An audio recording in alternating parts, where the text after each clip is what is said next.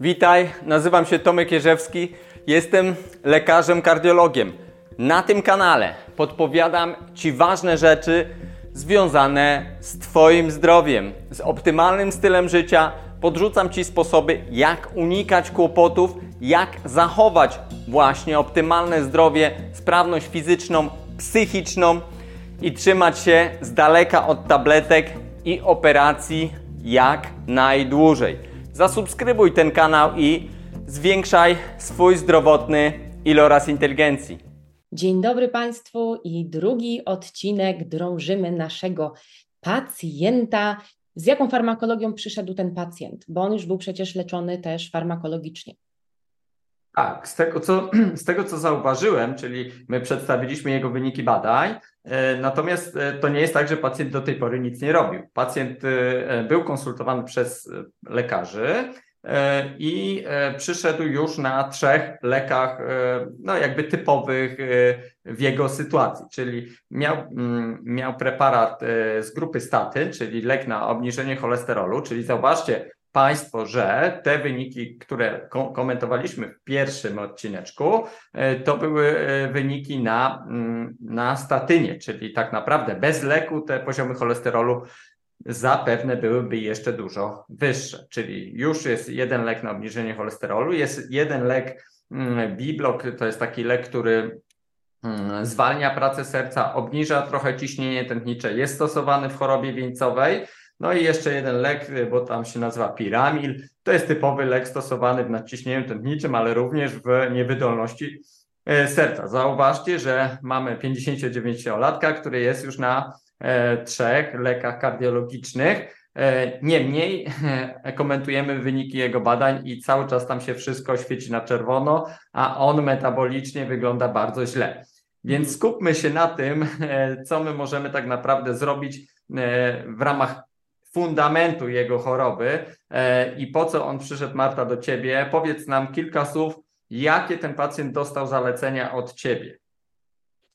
No przede wszystkim e, porozmawiałam z nim o tym, jak żywienie może wpływać na jego organizm, czyli przeanalizowaliśmy kwestionariusz żywienia, czyli to, co jadł do tej pory i jak to spowodowało u niego zmiany w organizmie. I zaproponowałam mu nieprzetworzoną dietę roślinną. No ale ponieważ pacjent jadł dotychczasowo bardzo dużo y, produktów odzwierzęcych, wiem, że jest to dosyć trudna sprawa do zastosowania u takiego pacjenta, więc poszliśmy na mały kompromis i dostawał w tygodniu tam dwa jajka na wolno plus pieczoną chudą rybę w towarzystwie oczywiście dużej ilości warzyw. Więc pacjent okay. został na nieprzetworzonej diecie roślinnej. Bardzo wykluczyliśmy tłuszcze z diety, w zasadzie zostawiłam mu tylko naprawdę znikome ilości oliwy z oliwek. Bazowaliśmy na orzechach, pestkach, e, na siemieniu lnianym, plus jeszcze właśnie te rybki. Miał też dosyć sporo węglowodanów, natomiast to były węglowodany złożone, czyli to były płatki owsiane, komosa ryżowa, e, różne kasze, bazowaliśmy również na strączkach. Dodatkowo odpowiednie nawodnienie, czyli ten pacjent zaczynał dzień od wody, kończył dzień na wodzie i między posiłkami pił wodę. Zastosowaliśmy również odpowiednie przerwy między posiłkami, biorąc pod uwagę glikemię pacjenta, to ten pacjent jadł 3-4 e, posiłki w ciągu dnia z 4-godzinną przerwą na te e, posiłki i wtedy właśnie miał też się nawadniać. Plus oczywiście włączyłam temu pacjentowi odpowiednią suplementację i tutaj nie była to jakaś y, wykwintna, bardzo duża suplementacja, tylko i wyłącznie to, co pacjent potrzebował, czyli kwasy omega-3, witamina D3, modulator homocysteiny, czyli witamina B12, B6 i kwas foliowy, berberyna ze względu na um, też próby wątrobowe, które były podwyższone i witaminka C, biorąc pod uwagę, że pacjent palił papierosy i pa, palił jakby cały czas, bo nie, jakby nie, e, nie chciał rzucić tego palenia, nie chciał też wymienić tego e, na, e, na papierosy takie elektryczne, to się chyba nazywa. No, w związku z tym ta witamina C też została pacjentowi włączona i takie były moje zalecenia trzeba się z pacjentem dogadać, tak? Pacjent e, decyduje i tak naprawdę to jest pacjenta decyzja, czy e, przestaje palić papierosy, czy nie. Naszym zadaniem jest poinformowanie go o o odpowiednich e, ryzykach dla, dla danych czynników. Pacjent nie decydował się na, mm, na rzucenie palenia, ale został, został poinformowany o tych ryzykach. E, Oczywiście bardzo ciężko jest e, e, zmienić dietę na, nie wiem, szczelną, roślinną, ale mamy bardzo fajny kompromis. Zobaczcie, że jesteśmy w stanie tutaj tą dietę modyfikować i ona nie musi być w 100% e, u niektórych roślinna. I i mamy dobry plan. Zobaczmy w takim razie, e, co będzie dalej. Marta, powiedz jeszcze tak e, na zakończenie tego odcinka, e, po jakim czasie przy, za, zaplanowałaś badania kontrolne u tego pacjenta? 3-4 miesiące zawsze wykonuję badania kontrolne i ten pacjent akurat po 4 miesiącach pełnej diety wykonał badania kontrolne. Ja tutaj jeszcze Państwu powiem, że w zasadzie najlepsza dieta to jest taka, którą pacjent jest, jest w stanie stosować, bo jeżeli ja powiedziałabym pacjentowi, że absolutnie w ogóle nie idziemy na żaden kompromis, to ten pacjent prawdopodobnie wróciłby do domu i nie zrobiłby nic, byłby poirytowany całą sytuacją. Natomiast jeżeli dogadamy się z pacjentem i jesteśmy w stanie mu zmienić nawyki żywieniowe z małą ilością tego, do czego on jest przyzwyczajony, to jesteśmy w stanie naprawdę poprawić jakość życia i wyniki badań e, pacjenta, no i też zabezpieczyć go na przyszłość, no bo to jest najważniejsze. No ale Tomku, wróćmy do tych badań. E, Proszę Cię, żebyś je przeanalizował, te badania po e, czterech miesiącach pracy z pacjentem. No Jeszcze dobrze. tylko zaznaczę, że ten pacjent no niestety nie włączył aktywności fizycznej i nie rzucił Mhm. papierosa. To też jest istotne w kontekście poprawiania wyników.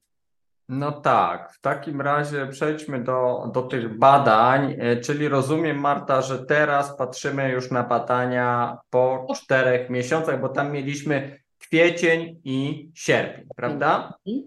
Tak. Dobrze. E, Akurat mnie się e, najpierw wyświetlił poziom insuliny na czczo i przypomnę Wam, że chyba mieliśmy około, Marta popraw mnie, jeżeli źle Mhm. pamiętam, około 17 chyba był e, wejściowy 17. poziom. Tak, Tak, tak. 17. Czyli mamy w kwietniu poziom 17 i mamy 4 miesiące diety. E, Ten pacjent ma wynik 7,4. Zobaczcie, że e, właściwie po 4 miesiącach mamy 40% poziomu wejściowego, czyli redukcję o 60% e, insuliny na czczo, czyli ta trzustka naprawdę odetchnęła po tych 4 miesiącach. I oczywiście, jeżeli mówimy o kryterium takim e, wartości granicznej dla insulinooporności na podstawie oceny samej insuliny na czczo, no to mówimy, że e, takim kryterium jest 10, czyli zobaczcie, że ten pacjent na podstawie tego jednego badania, bo tutaj nie mamy krzywej, e, nie spełnia, on już nie ma insulinooporności, także 4 miesiące insulinooporność jest przełamana. E, Mamy drugie badanie, poziom homocysteiny, tam chyba było około 13, teraz jest 10,9, czyli ta suplementacja spowodowała, że już mamy poziom homocysteiny poniżej 12 i jeszcze pewnie jakbyśmy e, obserwowali to dłużej, to byśmy byli w stanie zejść poniżej 10, ale to już jest dobry poziom. E, mm, Ferytyna, cała gospodarka żelazem jest prawidłowa, no bo tutaj wiele osób też ma obawy dotyczące bilansowania e, żelaza na diecie roślinnej. Zobaczcie, że tutaj poziom żelaza jest 125, ferytyna mm, e, 262, a absolutnie w doskonałym punkcie jest ta gospodarka żelazem. Nie pamiętam tej, tego alatu, ale on był 50 kilka, e, czyli przechodzimy do parametrów wątroby. I teraz uwaga, mamy 4 miesiące czasu, alat wynosi 28,8, czyli tak naprawdę e, markery jakby komórki wątrobowej zredukowane są o 50%, czyli mamy e, odtłuszczoną wątrobę, wątroba, która już nie jest podrażniona, czyli te wszystkie, te wszystkie markery wątrobowe nam już e, mieszczą się w normie. E, Kwas moczowy, który jest istotnym mm, e, markerem również ryzyka kardiologicznego, ale też metabolicznego, jest w normie 5,6.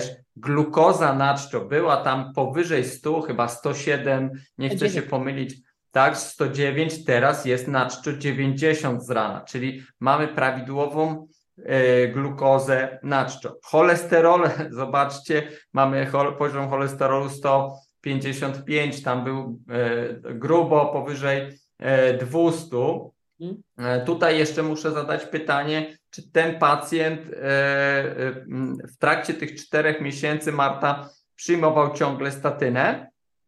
Bo tych leków nikt Tak, mu tak. chyba nie odstawiał, tak? Ja, Dobrze. I zobacz. ja, na, ja nic tam mm, absolutnie na własną rękę się nie, nie odstawiam pacjentom żadnych leków y, Mhm. pisanych przez lekarza. Był na pewno prowadzony na tych y, statynach.